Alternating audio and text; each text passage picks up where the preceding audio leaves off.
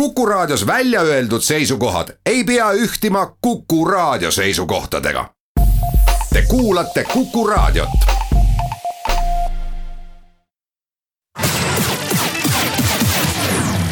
nädala Tegija. tegijaid hoiab Itella Smartpost. nädala Tegija alustab ja täna räägime pangandusest ja keskpank, Euroopa Keskpank langetas eile intressimäära ja teatas ka vas-, varaostuprogrammi taasalustamisest. Need on muutused, mis tegelikult peaks kõiki Euroopa kodanikke puudutama ja sellega seoses olen täna saatekülaliseks palunud Eesti Keskpanga asepresidendi Ülo Kaasiku, tere päevast. tere päevast. no tegelikult ju see eilne otsus äh, väga suur üllatus ei olnud, et äh, jutud sellest, et äh, praegu viimaseid kuid, kui nii võib öelda, Euroopa Keskpanga juhi kohal olev Mario Draghi tahab uuesti nagu aktiivse rahapoliitikaga alustada just selliste meetmetega, olid päris pikalt üleval. No tõsi on see, et ma arvan, et eelmise aasta juba teisel poolel olid esimesed märgid ja selgelt selle aasta esimeses pooles juba märksa suuremad äh, küsimärgid äh, nagu laiemalt äh, maailma kaubanduses toimuva üle ja sealt omakorda erinevad töötleva tööstuse ettevõtete käekäik ei olnud enam nii hea. no lisaks siia otsa oli veel ka Saksamaa väga suur tööstusharu, autotööstusel olid oma heitmeskandaalid, aga noh, see kõik kokku on viinud selleni, et kui vaadata nii globaalselt, kaubandussõjad, USA-Hiina kemplevad, muud riskid, Brexit poliitilised riskid Euroopas, see kõik on viinud sihukese suure ebakindluseni, mis on kaasa toonud selle, et tegelikult maailma. eelkõige just töötlevas tööstuses on äh, selgelt märgata langust juba ja, ja see on hakanud nagu mõjutama väga oluliselt äh, majanduse väljavaadet ja noh, me teame, et äh, Euroopa Keskpangal on eesmärgiks sea-, seatud, et võiks olla Euroopas inflatsioon natuke alla kahe protsendi, kuid siiski selle lähedal.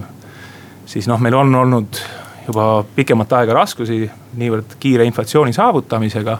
ja, ja nüüd see, et majanduskasv on, on jälle kehvematel alustel, riskid ettevaates on väga suured, siis eh, peeti tõesti vajalikuks eh, uuesti sekkuda, et leevendada rahastamistingimusi, et seeläbi loodetavasti siis reaalmajandus saab tuge ja, ja võib ehk siis ka inflatsioon siis kerkib sinna lähemale, kus meil eesmärk on seatud ma ei tea, kui palju sellest eh, teie keskpanga poolt rääkida saate, aga tegelikult ju Euroopa Keskpank ei ole selline monoliitne asutus, kus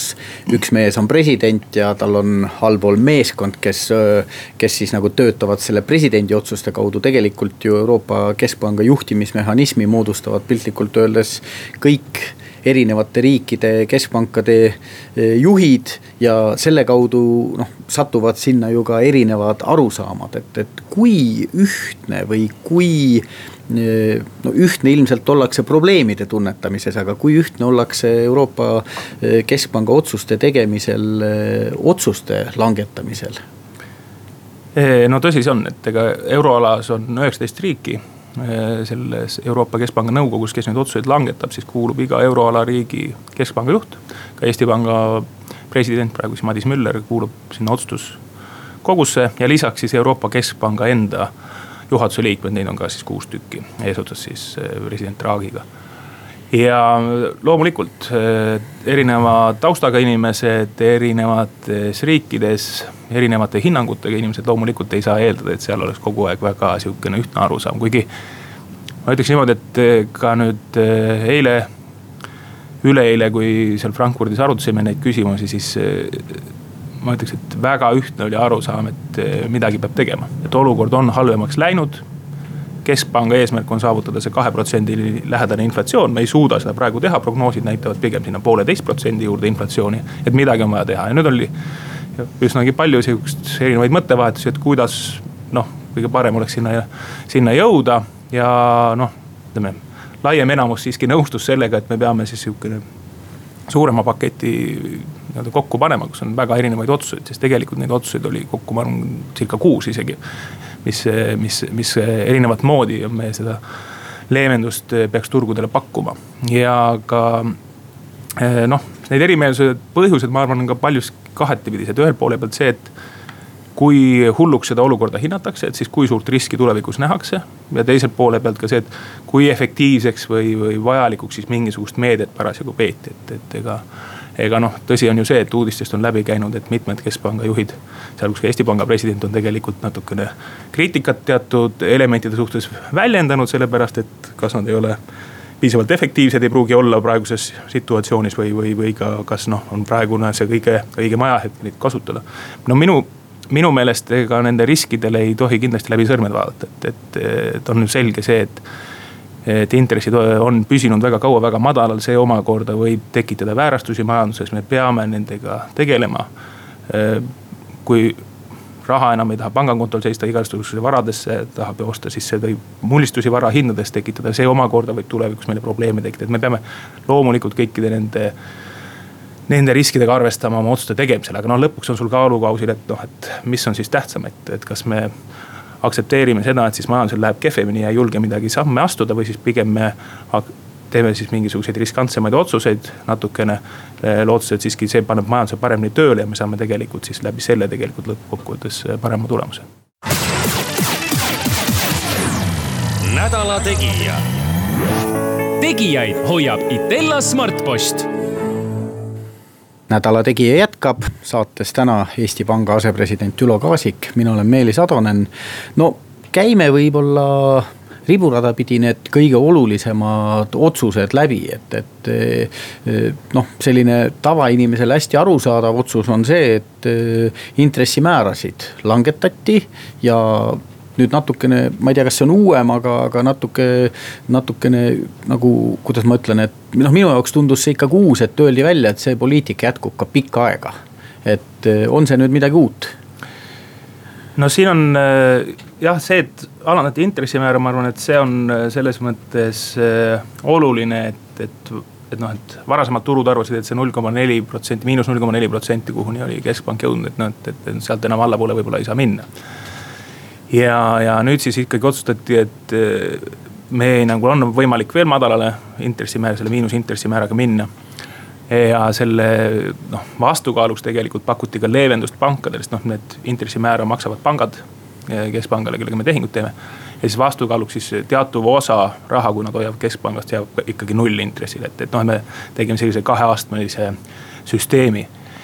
ja aga, aga ma arvan jah, et kõige mõjusam meede võib-olla, mis peaks nagu just nii-öelda finantseerimistingimusi pikemaajaliselt mõjutama, kindlasti see lubadus jah, et, et intressimäärasid ei tõsteta nüüd väga pikka aega, vähemalt mitte seni, kuni on juba äh, näha, et prognoosid, et inflatsioon hakkab kiiremini tõusma ja mitte ainult prognoosid ei ole, vaid kes ka tegelikult need inflatsiooni andmed viit-, noh selgelt annavad tunnistust, et jah. inflatsioon on taas tagasi siin lähedal, kus meie eesmärk on, et see, see kuidagi kinnitada seda keskpanga käitumist, et paremini kommunikeerida seda, et kuidas keskpank tulevikus intressidega käitub. ja mida see tähendab, peaks tähendama meile või, või, või laiemalt majanduses ettevõtjatele on lihtsalt see, et intressimäärad praegusel madalal tasemel ilmselt püsivad veel aastaid see tähendab tegelikult seda, et eh, noh, kui hästi lihtsustatult võtta, et kui keegi läheb eluasemelaenu võtma. või, või, või kui keegi teeb äriplaani ja läheb sellele äriplaanile pangast laenu võtma. Eh, noh, ta ei saa eeldada, et talle nüüd miinusintressiga eh, laenu hakatakse andma, aga, aga ta saab eeldada seda, et lähemad paar aastat ei ole tal karta seda, et Euribor ronib kõrgustesse piltlikult öeldes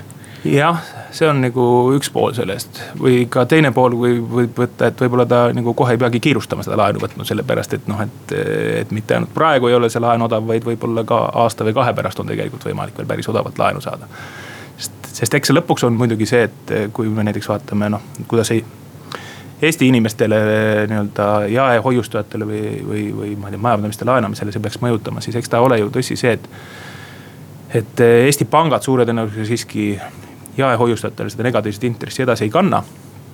Äh, ma arvan, et seal võib isegi mingisuguseid juriidilisi teemasid olla, et kas seda üldse on võimalik teha või mitte. aga noh, tegelikult ka see keskpanga poolne leevendus teatud osale kommertspankade hoiustele, noh peaks aitama sellele kaasa, et. et ei kantaks üle jaehoiustajatele ja teiselt poolt laenulepingute enamasti nüüd uuemad lepingud, mida siis pangad on sõlminud, on ka sellised, et. et see marginaal riskimarginaal, mida siis tavaliselt Euriborile otsa pannakse, et kui Euribor on miinuses, siis seda liidetakse nulli protsendile, ehk siis seda riskimarginaali vähemalt alati tuleb pangale maksta. ehk et ükskõik kui miinusesse see intress läheb, tegelikult meie nii-öelda laenajad saavad ikka täpselt samasugust äh, laenumakset maksta, nagu nad seni on maksnud. kas võib juhtuda selline asi, et pangad, äh, teades ka seda äh, noh, Euroopa Keskpanga odava raha või odava nojah, odava raha poliitika pikaajalisust, et nemad oma riskimarginaale laenudel ehk siis eluasemelaenude väljaandmisel või ka ärilaenude hindamisel. noh, võivad tiba odavamalt kliendini viia selle tõttu, et noh, nad teavad, et teatud riskid on maandatud ma arvan, et seda mõju me tegelikult oleme juba näinud, et, et see viimase viie-kuue aasta jooksul, kui, kui see noh, aktiivselt väga seda rahapoliitika väga oluliselt on lõdvendatud, erinevad varaostuprogrammid on algatatud, et just see just ka see varaostuprogramm ja eelkõige just erasektori võlakirjade ostuprogramm näiteks on viinud selleni, et väga palju ka erasektoris tegelikult Euroopas. me räägime küll noh, suurettevõtetest, kes küll turult otse laenavad, mitte läbi pankade, et ka nende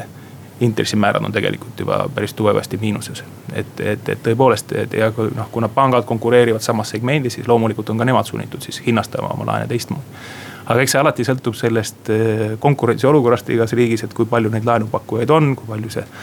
laenuvõtjaid jälle on, eks ole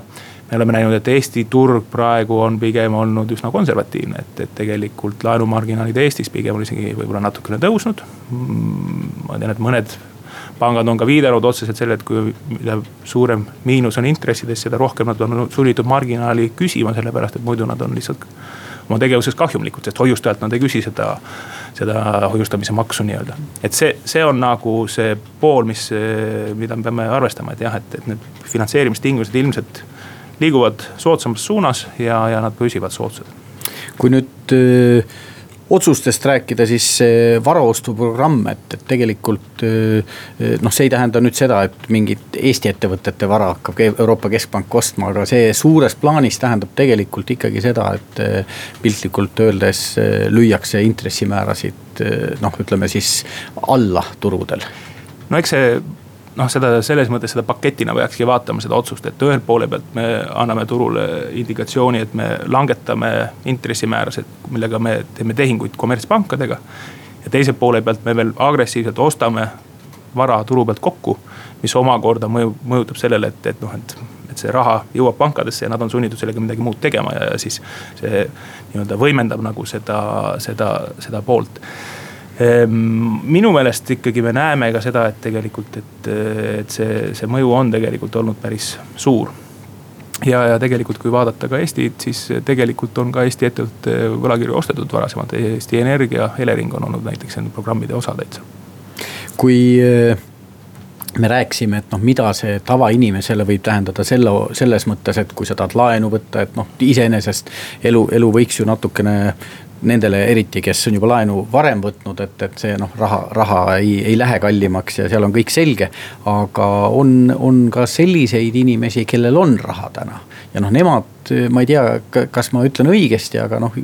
inimene tunneb end natukene tüssatuna, et, et ta tunneb, et tal on raha. ta on selle, noh, raha ju tavaliselt teenitakse, et oma tulevikku kindlustada, inimene öö, näeb nüüd, et teenused ja hinnad lähevad kallimaks, aga tema, kui ta pangas noh, nagu tahab, ma ei oska öelda, kindlustatult raha hoiustada, siis sisuliselt noh, okei okay,, Eestis on paar väiksemat panka, seal paar protsenti aastas intressi maksavad. aga suured pangad intressi üldse ei maksa, et, et noh, kas, kas, kas inimeste sellisel tunnetusel, et natuke nagu röövitakse, et, et, et võib, võib siin mingi tõepõhi ka olla no see tunnetus võib väga kergesti tekkida, sellepärast et ajalooliselt alati on ju seda intressi makstud. et, et noh, selle loogika järgi võib seda tõesti nii tunnetada, aga. Aga, aga noh, teistpidi võib ka mõelda seda, et kui ma tahan lihtsalt tulevikuks säästa raha, et see, seda võib võrrelda ju näiteks sellega, et ma tahan sügisel endale kartulit salve varuda.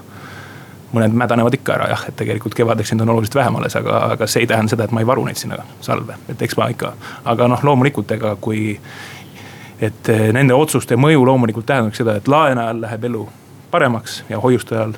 vastupidi siis kõrgemaks, ega siin on nii-öelda on, on võitjad ja kaotajad selles, selle, nende otsuste tagajärjel. kas Eesti kontekstis siin teatud riski ei näe keskpank, et meil on viimasel ajal väga palju turule tulnud neid hoiulaenuühistuid, noh väga agressiivselt siin mõni pakub kaksteist protsenti ja kaheksa protsenti ja nüüd. noh, kes on selline taiplikum hoiustaja, see ilmselt tunnetab ka riske, et noh, me teame, et pankadel on hoiuste tagamise seadusega teatud garantii riigi poolt. hoiulaenuühistute kaudu seda kõike ei ole, et, et iseenesest siin, siin kas turul näiteks poliitikud peaksid mõtlema teatud reguleerimiste peale või, või asjade peale, et noh, hoida mingeid tüsistusi hiljem ära ma arvan, et Eesti Pank on viimased kümme-viisteist aastat vähemalt soovitanud äh, hoiulaenuühistud äh, ka ära reguleerida. et siis praegu tõesti nendel mingit regulatsiooni praktiliselt ei kehti, sest eeldatakse, et nad on ühistu vormis ja ühistu liikmed ise suudavad seda järelevalvet teha. no me kõik näeme ja vaatame, kuidas nad tegutsevad, et noh, tegelikult nad ei ole sellised kompaktsed nii-öelda tutvuskonnad, kes on nagu ühistu teinud, vaid, vaid, vaid nii-öelda üsna, üsnagi. noh, kliendid lähevad, astuvad ühistu liikmeks just, ja ükskõik kummat pidi ja tegelikult. aga mingisugust kontrolli ühistut. nendel eh, suure tõenäosusega selle tegevuse üle ei ole. et, et, et kindlasti oleks mõistlik vähemalt sama palju neid reguleerida, nagu näiteks tänapäeval neid krediidiandjaid reguleeritakse, et see. see on, see on kindlasti vajalik, sest noh, varem või hiljem mõnele selle hoiu-laenuühistuga kindlasti halvasti läheb nädala Tegija. Tegijaid hoiab Itella Smartpost. nädala Tegija jätkab, räägime eile Euroopa Keskpanga poolt vastu võetud otsuste valguses täna Eesti Keskpanga asepresidendi Ülo Kaasikuga, mina olen Meelis Atonen. no ma ei tea, maailma majanduses käib ka madistamine nagu enne juba jutuks oli ja, ja Ameerika Ühendriikide president, kes armastab Twitteris kogu maailma valgustada ja on juba jõudnud Euroopa Keskpanga otsust kiita ja, ja küsinud ainult retooriliselt, et mida mõtleb. mida mõtlevad need töntsakad föderaalreservi mehed, kes ei suuda otsuseid langetada ja, ja turul, turul võidelda. kas, kas sellised keskpanga otsused, nagu eile siis Euroopa Keskpank vaatas, kas sellised otsused kuigi palju lähtuvad ka mingist piirkondlikust konkurentsist või, või, või, või vaadetest Ameerika poole või Hiina või, või, või mingitest sellistest asjadest? no otseselt mitte, selles mõttes, et otseselt ikkagi formaalselt vaadatakse, et noh, et kuidas, kuidas nagu meie majandusel läheb ja ja, ja, ja mis need eeldused on. aga noh, kaudselt tegelikult ju kõik need teised otsused mõjutavad ju meid ka, et, et. et, et kui kuskil tehakse teistsugune rahapoliitika otsus, siis see võib vahetuskurssi muuta kui teisel majandusel hakkab halvemini minema, siis noh, tänapäeval ikkagi globaalselt on majandused äh, väga tihedalt põimunud ja siis loomulikult need äh, signaalid jõuavad väga kiiresti, et, et, et, et selles mõttes, et ka seesama kui me räägime näiteks nendest kaubandusprobleemidest nagu USA ja Hiina vahel, siis see nagu kaudselt ju lööb ka väga paljusid Euroopa ettevõtteid, kellele siis noh, kui Hiina ettevõtted enam ei saa eksportida USA-sse, nad investeerivad vähem, aga tihti need seadmed, masinad, seadmed hoopis tuuakse hoopis Euroopast Hiinasse, et selles mõttes, et need on väga tihedalt majandused eh, seotud ja, ja me peame nagu selle, selliste väliste teguritega loomulikult arvestama. no räägitakse Euroopa Keskpangas, et on selline põhja ja lõunakonflikt, et, et ma nüüd ei hakka seda konflikti lahti võtma, sest noh, eilse kohta on öeldud, et näiteks Soome oli ka otsuste toetaja Soome väga lõunas ei ole iseenesest, aga siin on, siin on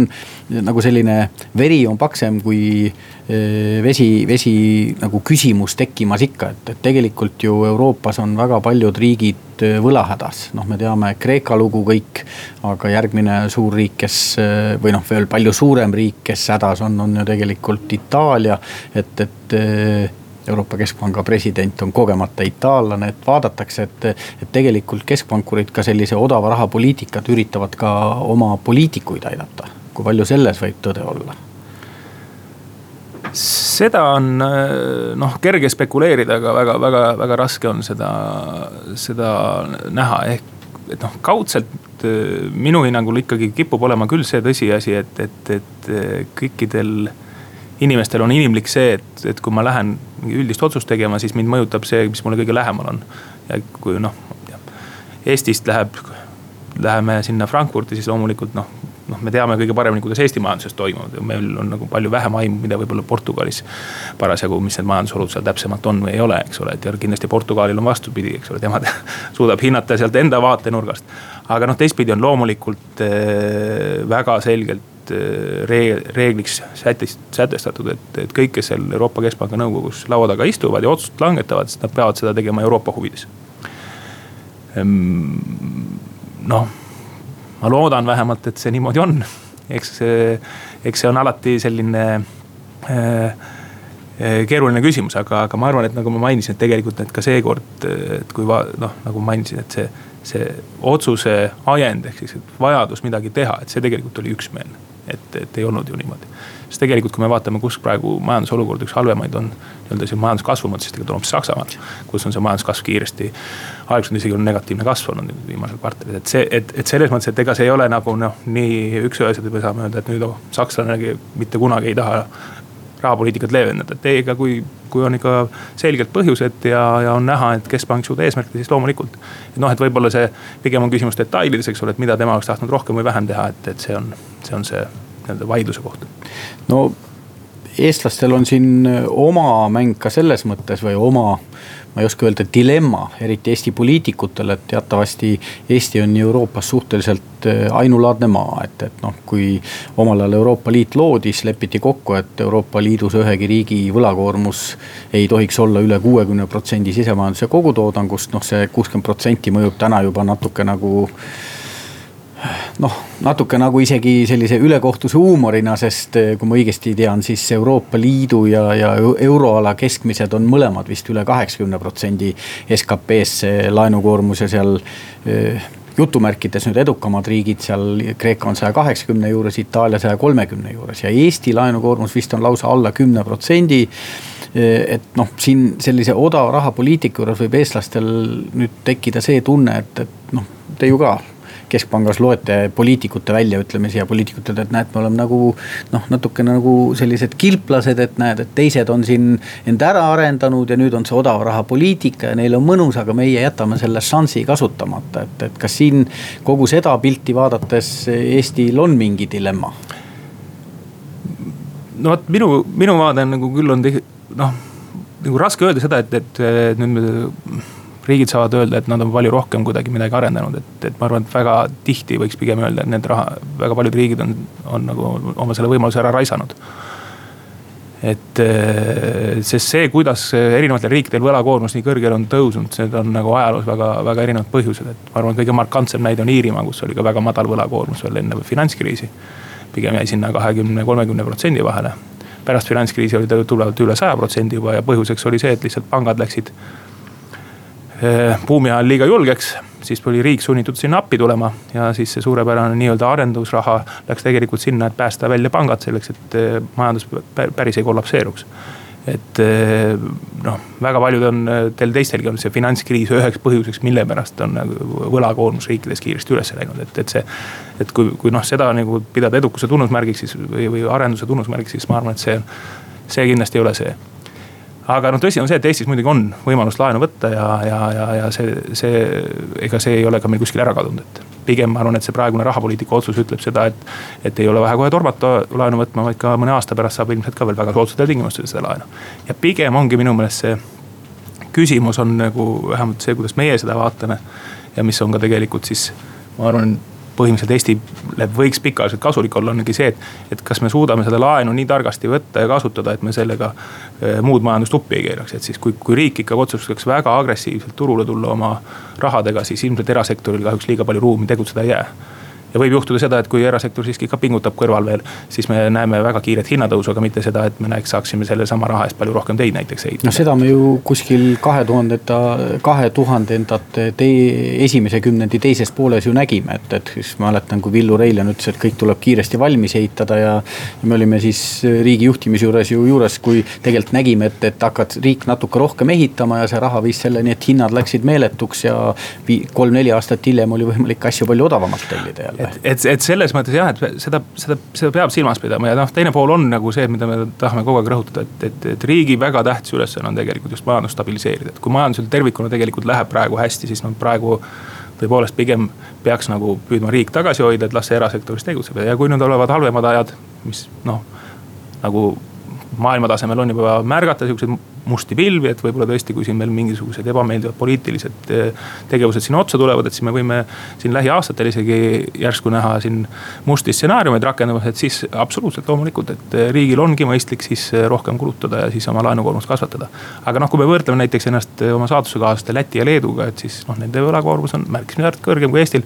ja kas me saame siis nüüd öelda, et nad on kuidagi siis olnud edukamad oma majanduse arendamisel, et, et, et noh, et vähemalt statistikas seda välja ei paista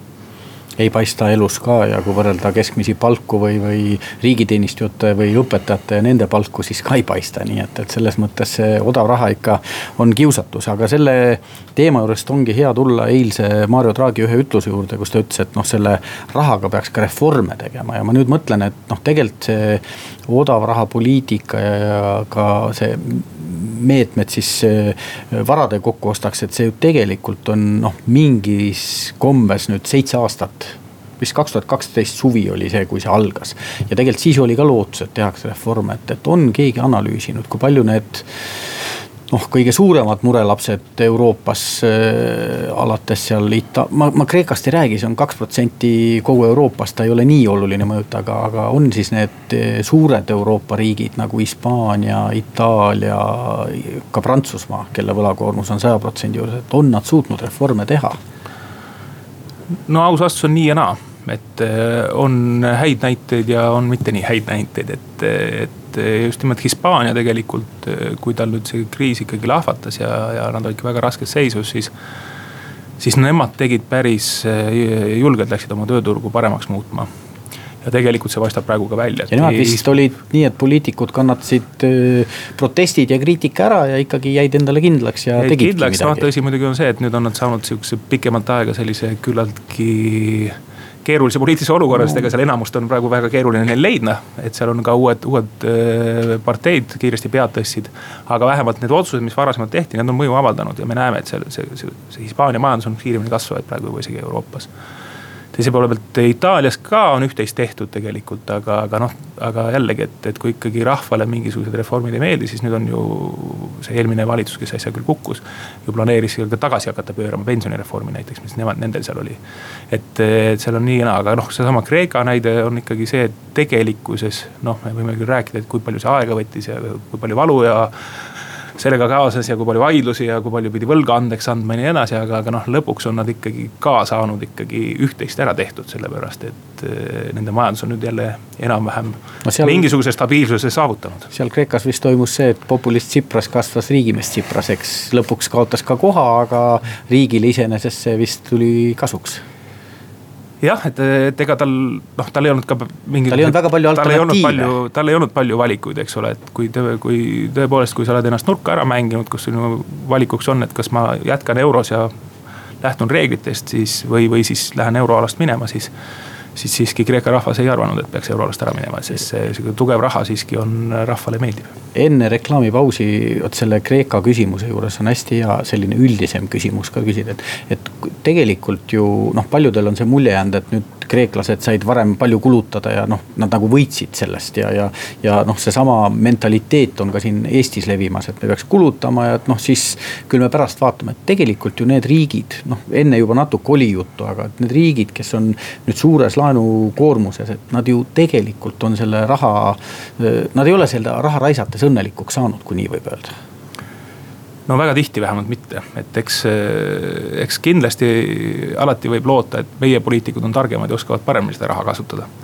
aga kui see raha läheb tihti tõesti selleks, et ma tõstan pigem riigiametnike palku, et nad oleksid valimistel minu poolt, et ma tõstan pensioni, et nad oleks minu poolt. siis loomulikult lühiajaliselt pensionärid ja, ja riigiametnikud võivad õnnelikud olla, aga. ja hääled võivad ka korra tulla, aga. aga, aga, aga pikemas perspektiivis see mingile lisandväärtust ei too, me ei, me ei ole ju tegelikult seda raha siis investeerinud majandusse, me suure tõenäosusega pigem kulutame selle ära ja, ja, ja see ei too meile nii-öelda õnne tulevikus siinkohal kuulame reklaami ja jätkame Ülo Kaasikuga juttu pärast seda nädala Tegija. tegijaid hoiab Itella Smartpost. nädala Tegija jätkub, täna saates Eesti Panga asepresident Ülo Kaasik, mina olen Meelis Atonen ja räägime rahaasjadest ja rahapoliitikast. euro, eile Euroopa Keskpank otsustas siis alandada hoiusintresse ja, ja teiselt poolt taas alustada varaostuprogrammi ja, ja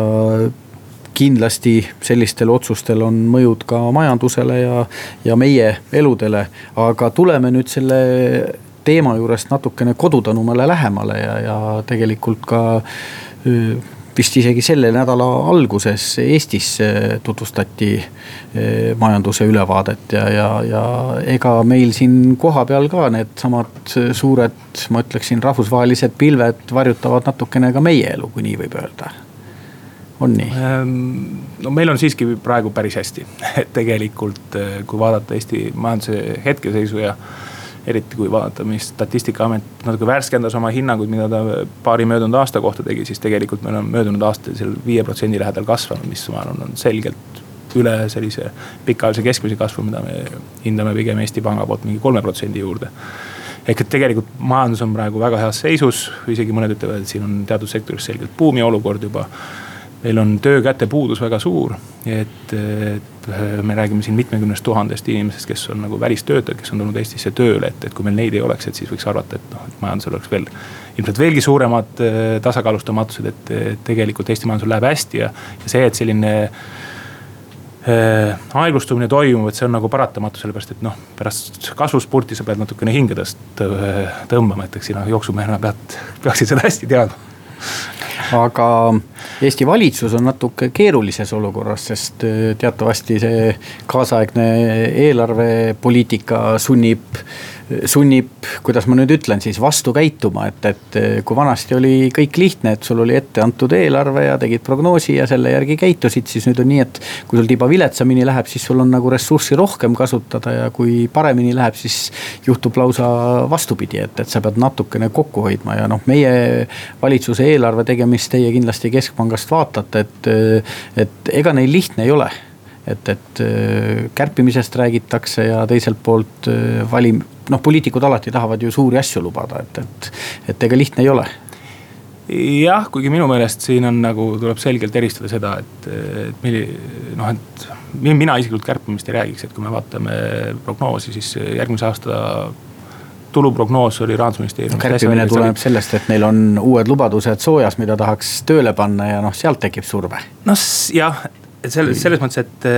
et meil on nagu selgelt äh, varasemalt oleme liiga kiiresti, liiga palju kulutanud, me oleme eelarve, eelarve lasknud defitsiidi ajal, kui me ei oleks tohtinud seda teha, see on üks pool. ja teine pool on ka see, et, et meil on väga palju eelarveraha on tegelikult juba varasemate lubaduste või, või, või, või ka seadustega kokku lepitud ja juba kinni pandud. ja nüüd, kui tuleb välja, et meil nagu tulud ei olegi, kasvagi nii kiiresti, siis jah, selleks, et oma lubadusi täita või neid asju ellu viia, et siis on vaja kusagilt ilmselt siis ebaproportsionaalselt mingid valdkonnad võivad Äh, saada pihta, aga tervikuna tegelikult ikkagi valitsusel tulud kasvavad ja tegelikult on jätkuvalt tegelikult majanduses hea seis ja, ja see peaks nagu toetama ka seda, et valitsusel tegelikult võiks olla suhteliselt kergem ma mõtlen siin kriisiaastatega näiteks võrreldes ikkagi oma eelarvet kokku saada. no valitsuses iseenesest see on ju väga positiivne, kui poliitikud tahavad midagi ära teha ja valitsuses tahetakse suuri projekte teha ja nad järjest on noh, välja tulnud ka selliste. kuidas ma ütlen siis uute rahalaegastega või, või raha leidmise kohtadega, et kui Äh, kui noh, kuidas ma nüüd ütlen, ettevaatlikult teie keskpanga poolt vaatate näiteks sellistesse. Äh, ma ei tea, raha külvamise projektidesse nagu kuskile maale saja miljoni andmine, et, et seal elu tuua. aga noh, võib-olla see ei ole isegi niivõrd keskpanga poolt vaadates, see on kulu ja noh, poliitikud kulutavad, mis nad tahavad. aga näiteks need PPP projektid, et, et kui noh, ütleme reeglitega kooskõlas olevad nad tegelikult tunduvad nojah, selles mõttes me oleme jah keskpangas võtnud vaate, et meie, pigem on meie fookus sellele, et noh, jah, me võiksime vaadata, millised on otsuste suuremad mõjud, et kui tal on mingi makromõju teise poole pealt vaadata, et mis see mõju on tasakaalul, et. et see, kas nüüd raha kulutada õpetajate palkadeks, pensioniteks, teede ehituseks või mingiks viiendaks asjaks, et et see las jääda ikkagi poliitikute, poliitikute otsustada, et, et aga noh, tähtis oleks see, et kui me nagu kulutame, et meil oleks nii-öelda täna see raha olemas ja tegelikult võiks olla ka ideaalis kõikide plaanidega ka tulevikus meil need, kulud äh, kaetud, et me ei tekitaks ka tulevikus probleeme see PPP projektidesse puutub, siis mina ütlen, noh, ühelt poole pealt see on täpselt samamoodi majanduse tasakaalu küsimus, et valitsus peaks vaatama, et no kogemata liiga headel aegadel veel oma projektidega lihtsalt hagu tulle juurde ei viskaks. aga noh, need on niikuinii pikaajalised otsused, seetõttu, seetõttu praegu on raske hinnata, et võib-olla kui täna hakkame planeerima, alles kolme-nelja aasta pärast saame ehitama hakata, et mis see seis siis on, et seda tea. aga teine küsimus on alati see, et seal on nagu see küsimus, et kas see finantskulu, mis sellega suureneb, selle investeeringuga, et kas selle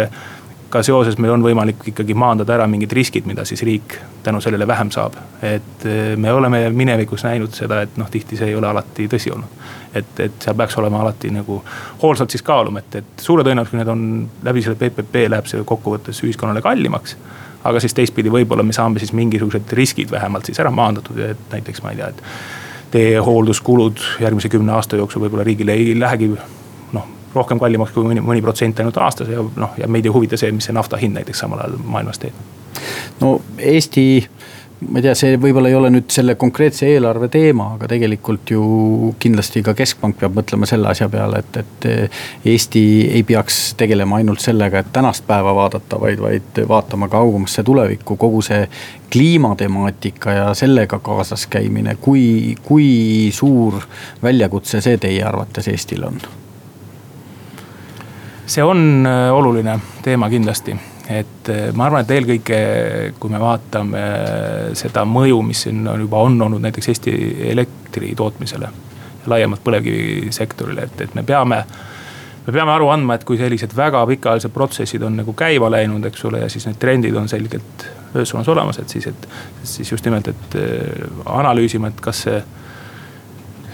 kuidas, kuidas see mõjutab meie olemasolevat tööstust näiteks? Mm, noh, ilmselgelt see ei ole ka noh, küsimus ei ole ainult sellest lühiajaliselt, kuidas see CO2 hind seal turul on, aga just, just ka pikaajalist. et milliseid investeeringuid on mõistlik teha, ma tean, et valitsusel on siin